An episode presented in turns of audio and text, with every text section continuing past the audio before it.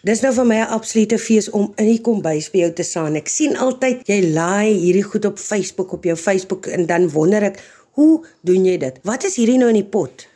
Hierdie in die pot. Ek is besig om hier 'n um, 'n tamatie en russie konfyt te kook. O, oh, Ek het hom nou klaar gekook, so ek skep hom nou. Hy het mooi gekom. Ek hou van die kleur en ek hou van van die dikte.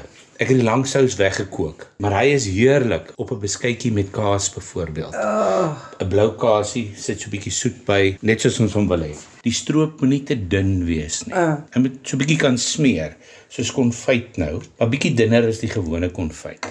het jy russie in hom? Daar's verseker russie in hom.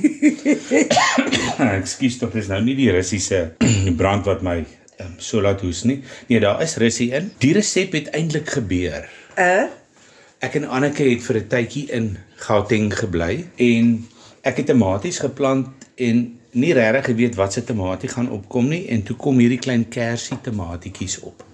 Jesus. Toe sit ek met 'n oorvloed van kersie tomaties en ek het 'n chili plantjie ook in die tuin gehad. En toe besluit ek eendag maar ek gaan die twee bymekaar sit en 'n konfyt maak. En dit is seker nou 'n goeie 12 jaar later en ek maak hom nog steeds. En hy's nog steeds 'n wenner. Nou my ma het my mos nou maar altyd in die kombuis ingeroep en gesê kom roer hier. En dit is nou hoe ek nou maar in die kombuis gewoond geraak het en met vrugte soos geelperskes byvoorbeeld het sy vir my geleer die gewig van die vrug en die suiker is dit is gelyke hoeveelhede maar dit werk nie so met 'n tamatie konfyt byvoorbeeld nie want daar's baie meer water in. Hierdie spesifieke resepie, ek het nou vanoggend mark toe gegaan en ek het so 6 kg uh, klein kersie tomatietjies gekry met 'n boks russies, brandrussie. Hierdie is die eerste 3 kg wat ek nou gekook het saam met so 200 gram gekapte uh, brandrussie. Die tomatietjie halveer jy net. Sit dit saam in die pot en ek het so 1 en 'n half kilogram wit suiker hierby en dan kook jy hom totdat hy totdat hy mooi is. So Is dit regtig al? Dis dit. Dis so Nee. eenvoudig soos dit. Kyk al, hulle lyk fantasties. Het ek kom, waar is 'n lepeltjie? Ek gryp sommer gou hier. Kan Ja. ek gou proe? Ja, natuurlik.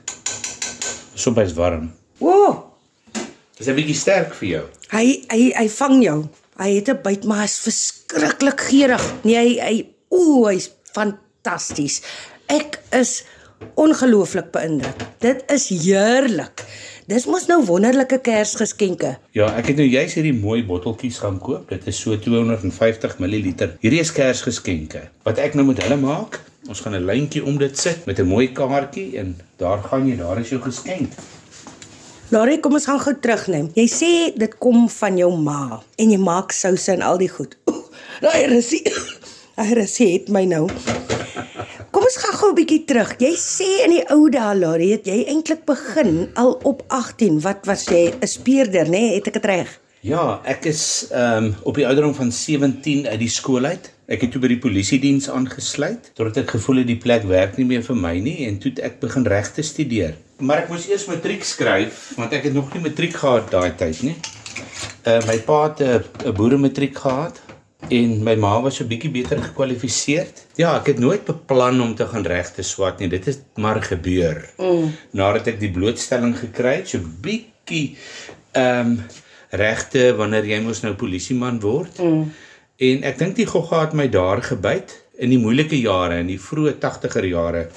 Toe het ek besef maar ek het eintlik 'n passie vir reg en geregtigheid. Toe later gewerk as 'n staatsanklaer vir 'n paar jaar en toe as 'n landros uh, vir die grootste deel van my my werksloopbaan.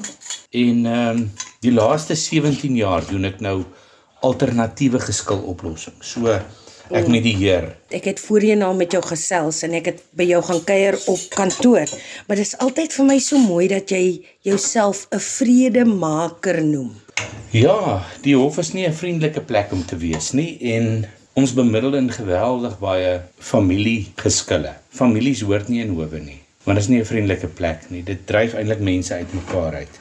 Nadat ek dit daar gewerk het vir 'n paar jaar, het ek besef maar Ons behoort eintlik families te help om hulle geskille op ander maniere op te los. Ek deel my ervaring en ek deel my kennis uh met die bedryf want ek lei ook mediators op en ek help mense om vredemakers te word. Dit was vir my mooi toe ek sien jy staan met 'n toekenning in die hand. Nou jy's 'n baie nederige mens en uh spog nie graag nie. My kollegas rondom my nomineer my en stel my altyd aan hierdie tipe van goed bekend. Ek het hierdie kriteria gelees. Dit is die Afrikaanse Handelsinstituut wat hier in die Wes-Kaap die sakeman van die jaar gesoek het. Ek het besef maar ons kan eintlik al die regmerkies maak en ek het myself beskikbaar gestel en ek is dankbaar om vandag te sê, "Wow, ons het dit gemaak." Jessie, toe wen jy daai toekenning. Toe wen ons daai prys. Ja. Altyd. Maar ek wil onmiddellik sê dit is nie net Larry nie. Uh Ek het 'n vrou wat my ondersteun in alles wat ons doen. Ons is saam met die besigheid. Ons het 'n netwerk wat rondom ons werk, 'n uitvoerende bestuur. Ons het 'n netwerk van ehm uh, bemiddelaars reg deur die land en dit is eintlik hulle wat dit moontlik gemaak het. Dit is nie net Larry nie. baie geluk aan julle. Ek wil net hê want ek weet mense gaan my weer vra. Jy sê mos nou hierdie is 'n russie en tamatie bladjang. Sê gou net weer hoeveel tamaties gebruik jy? Goed, hierdie klein pakkies tomaties wat ons gewoonlik verslaaie koop in die kettingwinkels, hulle weeg so 500 gram. Jy het so 6 pakkies nodig.